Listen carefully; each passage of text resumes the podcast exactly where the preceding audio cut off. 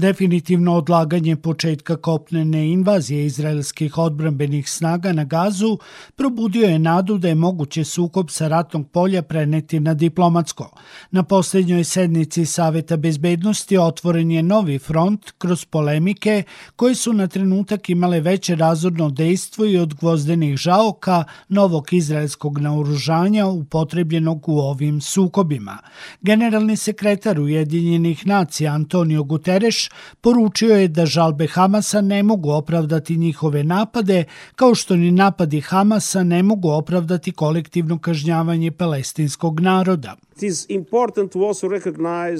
Važno je takođe prepoznati da se napadi Hamasa nisu desili u vakumu. Palestinski narod je bio podvrgnut 56 godina okupaciji. Gledali su kako njihovu zemlju gutaju nova naselja. Njihova ekonomija je uništena, ljudi su raseljeni, njihovi domovi srušeni njihove nade u političko rešenje su nestale. Ubrzo posle ovih reči ministar spoljnih poslova Izraela otkazao je susret sa generalnim sekretarom svetske organizacije, dok je izraelski ambasador pri Ujedinjenim nacijama Gilad Erdan zatražio njegovu odgovornost. Mislim da generalni sekretar mora da podnese ostavku, jer od sada, osim ako se ne izvini, nema opravdanja da bude u ovoj zgradi. Ona je osnovana da se spreče zverstva. Kako generalni sekretar može na bilo koji način da opravda strašne zločine koji su se desili našim civilima, nevinim civilima? Ministar spoljnih poslova palestinske uprave Rijad Al-Maliki ukazao je da je u ovim sukobima stradalo više od 5000 civila. Ako kažete da podržavate međunarodno pravo, međunarodno humanitarno pravo i zaštitu civila, onda ništa ne može da opravda ono što Izrael radi. Ovo su neselektivni, nehumani napadi na civile. Ovo je kolektivno kažnjavanje. Jedini koji i dalje ne odustaje od kopnene ofanzive je izraelski premijer Benjamin Netanjahu, Prilikom obilaska jedinice Jahalom, specijalne jedinice borbenog inženjerijskog korpusa na granici sa Gazom, poručio je da je kopnena invazija i dalje u planu, iako se i dalje odlaže. Nalazimo se pred sledećom fazom, ona dolazi. Vi to znate i vi ste deo toga, vi ste deo prethodnica. Imamo samo jednu misiju, da razbijemo Hamas. Nećemo stati dok to ne završimo uz vašu pomoć. Oslanjam se na vas. Narod Izrela se oslanja na vas. Vojnog analitičara Vlada Radulovića podsjećamo da se od početka sukoba u pojasu Gaze najavljuje i kopnena ofanziva izraelske vojske koja se uporno odlaže. Sudeći prema posljednjoj izjavi izraelskog premijera od nje se navodno nije odustalo, što na izvestan način potvrđuje i ciljani napad na severni deo pojasa Gaze sa pešadijskim snagama i tenkovima u noći između srede i četvrtka, što su sami Izraelci nazvali pripremom za za narednu fazu kopnene ofanzive. Ono što e, ja iz ove perspektive, dakle nemam neke konkretne informacije što je prosto i logično i razumljivo, ali na osnovu e, svih parametara koje prosto u svakom sukobu možete posmatrati ili generalno aktivnostima koje oružane snage e, sprovode, vi uvek radite e, procene gubitaka kada planirate neku aktivnost i e, čini mi se da e, rezultati tih procena do, do kojih su došli pripadnici Ministarstva odbrane i prosto oružanih e, snaga, odnosno odbranbenih snaga Izraela, su takvi da pokazuju da gubici nisu prihvatljivi još uvek. Dakle, prosto gubici sa kojima se potencijalno mogu suočiti nisu prihvatljivi za izraelsku stranu i da je to e, možda jedan od ključnih razloga još uvek, ajde reći ćemo, odlaganja. Sa druge strane, takođe rekao bih, postoji možda još jedna bojazan, to opet e, pronalazim u nekim, e, ajde uslovečeno, izjavama i možda čak i, i, i apelima upućenim od strane i Sjedinih američkih država i e, Francuske recimo, a, to je da bi se potencijalno sukob ne samo proširio, već pre svega u toj prvoj fazi otvorila potencijalno dva nova fronta, mislim dakle na severni kada bi došlo do, e, do sukoba sa pripadnicima Hezbolaha, ali i istočni, dakle mislim pre svega na zapadnu obalu, a onda kažemo u skladu sa tim dakle širenje prevashodno dakle uticaj, odnosno e, pojavljivanje e, Irana i neka vrsta odgovora Irana, zatim Sirije i šitskih milicija i dakle prosto bi onda to poprimilo drastične razvoje. Čini mi se da su to dva ključna razloga zbog, zbog kojih mi još uvek e, dakle, ne vidimo tu kopnenu operaciju kako je ona u tom punom formatu najavljivana. Ipak, i time ću da završim, to ne znači da do nje neće nikada doći, odnosno da kažem nikada mislim dakle u narednom, narednom periodu, ja ne mogu da stanem iza tih tvrdnji jer kada pogledate situaciju na terenu, e, broj raspoređenih snaga, e, način na koje su one raspoređene, pozicije i položaje koje, koje, koje, na kojima se nalaze, pa čak i ovi ograničeni upadi, odnosno upadi ograničenog formata, zapravo e, govore u prilog tome i naravno vazdušni udar i sve ostalo, govore u prilog tome da zaista ideja i namera za e, ulazak, kopneni ulazak trupa postoji, ali kažem sada je samo pitanje e, da li će se ona i u kom trenutku desiti. Radulovića smo zamolili da prokomentariše zabrinutost američke administracije jer Izrael za svoje operacije u Gazi nema ostvarive vojne ciljeve, što navodi Vašington na uverenje da izraelska vojska još nije spremna za kopneni napad na pojas Gaze. Zapravo ga konkretno pitamo da li je to pokušaj Amerike da izraelsku odbranu totalno odgovori o te ideje ili pak pokušaj da ih navede da eliminiše teroriste Hamasa kombinacijom hiruških napada i ciljanih upada specijalnih snaga, kao što su to američki vojnici uradili zajedno sa iračkim i kurdskim vojnicima u Mosulu 2017. godine. Jako je to zahtevan i problematičan teren za onoga koji e, nastoji da napreduje, odnosno za napadače. Onako. I u skladu sa tim, zato kažem, bliži sam ovom drugom mišljenju, da se ide na e, prosto e, likvidaciju tog vrha Hamasa, odnosno najviših lidera Hamasa i što većeg broja pripadnika Hamasa, dakle kao organizacije, s tim da, budući da mi govorimo, neko će se složiti da je Hamas u potpunosti teroristička organizacija, neko neće ili će reći da je samo vojno krilo teroristička organizacija, za mene je Hamas nedvosmisleno teroristička organizacija, ali vi suštinski nikada, a u apsolutnoj meri ne možete uništiti određenu terorističku organizaciju koja je takvog tipa kakav je Hamas, dakle ne govorimo o nekim malim terorističkim grupama, dakle ovaj, ovo je jedan potpuno drugi kontekst. Na prostoru geografskom koji je, ne bih rekao čak više decenijski nego ako, ako bismo pogledali pa mnogo više od toga opterećen različitim animozitetima i netrpeljivostima prostoru gde je zapravo vera ključ i religija ključ ključ svega. U takvim okolnostima čini mi se da je jako teško da vi ostvarite neke ciljeve kao što su potpuno uništenje i a, a, nestanak Hamasa. Kada govorimo o Hamasu, čini mi se da je taj cilj zapravo neostvariv, nedostičan, dakle u potpunosti njegovo uništenje. Na sve to, naravno, dodajte mi ovde ne govorimo samo o Hamasu, mi ovde govorimo i o islamskom džihadu, govorimo o jednom mnogo širem kompleksu, te zbog toga sam, opet kažem i eto time da zaključim, bliži ovom možda nekom drugom tumačenju, a to je da se još uvek sve, da, odnosno da sve još uvek ostane u toj formi ograničenih vazdušnih udara, odnosno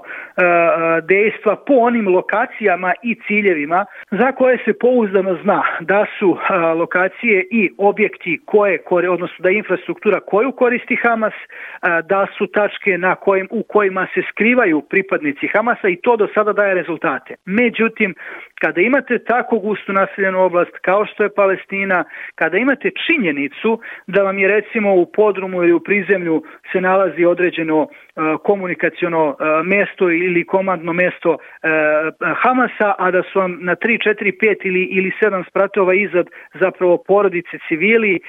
to neminovno sa sobom nosi ogromne civilne žrtve i to je sada nova prizma koja dodatno osložnjava celokupnu situaciju. Radulovića pitamo možemo li makar proksimativno zaključiti da bi upravo početak kopnene ofanzive na gazu mogao biti okidač za širenje sukoba u regionu Levanta,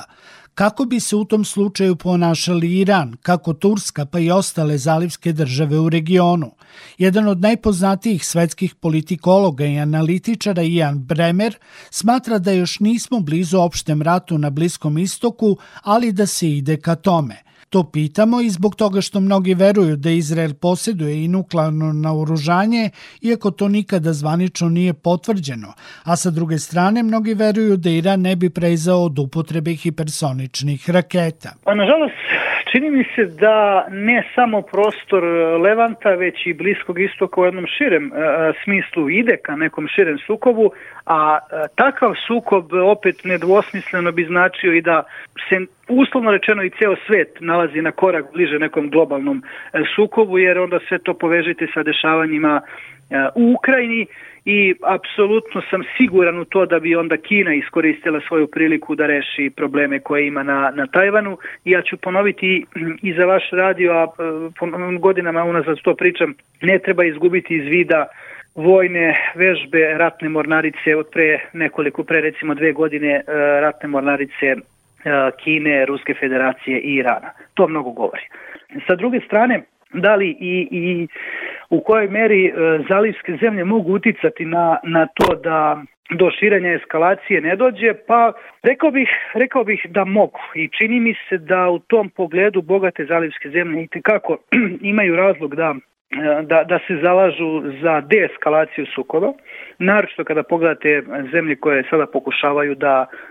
ostvare različite uh, projekte uh, kao što su, dakle, kada kažem različite projekte, mislim projekte vredne po nekoliko stotina milijardi dolara, mislim, dakle, i na Saudijsku Arabiju, na Katar, na Ujedinjene Arapske Emirate, Bahrein, dakle,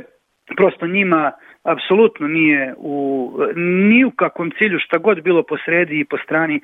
da, da imaju sukob uh, takvih razmera na Bliskom istoku i čini mi se da oni tekako će uticati naravno uz podršku prosto Palestini, to, to je jasno, ali da će uticati i pokušati da utiču na to da do dalje eskalacije sukoba ne dođe. I sa druge strane, slično je kada pogledate, odnosno vrlo interesantno je kada pogledate i ulogu samog, samog Egipta, dakle koji pokušava, pored opet kažem nedvosmislene podrške i, i apelovanja i za humanitarnu pomoć za pojas gaze i sve ostalo, koji ipak pokušava na neki način da se postavi, kao kažem, na neki način, ne mislim u, u apsolutnom smislu i bukvalno, na neki način da se postavi kao, kao eto neka spona ili neki medijator između Izraela sa jedne strane i Palestine sa druge. Radulovića za kraj molimo da vojno-taktički oceni dosadašnji tok sukoba u pojasu Gaze, pre svega iz ugla neselektivnog bombardovanja civilnih žrtava, pa čak i uništavanja meta koje su poput bolnica zaštićene Ženevskom konvencijom o ratovanju. Isto tako pred Radulovića stavljamo i dilemu da li bi ovaj sukob mogao da preraste u nekontrolisane izlive talasa terorizma širom sveta. Što se tiče vašeg e, prvog pitanja, e, ja sam u jednom trenutku u svom izlaganju upravo pomenuo da je problem kada imate tako gusto naseljenu oblast,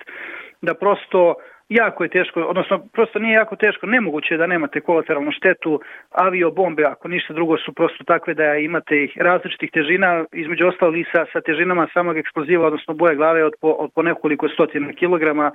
u gusto naseljenim gradskim četvrtima, kada dejstvujete po određenim objektima, prosto kažem, nažalost. Naročito dodajte na to tu taktiku terorističkih organizacija, generalno, e, naročito mislim na, na, na Hamas, dakle korišćenja pojedinih, izvinjavam se, terorističkih organizacija, to je korišćenje civila kao, kao živog štita, onda su prosto rezultati jasni. Na svetu dodajte još jedan segment koji je sada nedvosmisleno potvrđen, a to su satelitski snimci i fotografije koji, koji pokazuju da se određeni raketni lanseri ili minobacači ili nešto slično recimo nalazili u krugu nekih džamija ili neposredno pored obdaništa, pored škola, pored bolnica. Dakle, za drugu stranu je to legitiman vojni cilj, a sve što se nalazi u okruženju će de facto da strada nakon, nakon odgovora i dejstva. Prema tome, to je dodatna prizma koja komplikuje celokupnu situaciju, tako da Mi sa jedne strane možemo reći ne selektivno, ali sa druge strane e, kada pogledate da ipak odatle vam dolazi pretnja, onda je za onog ko se brani to apsolutno legitiman vojni cilj i tu, e, tu dileme nema. E, što se tiče vašeg drugog pitanja, a vezano za potencijalno širenje, odnosno potencijalni talas terorističkih napada po Evropi, ta opasnost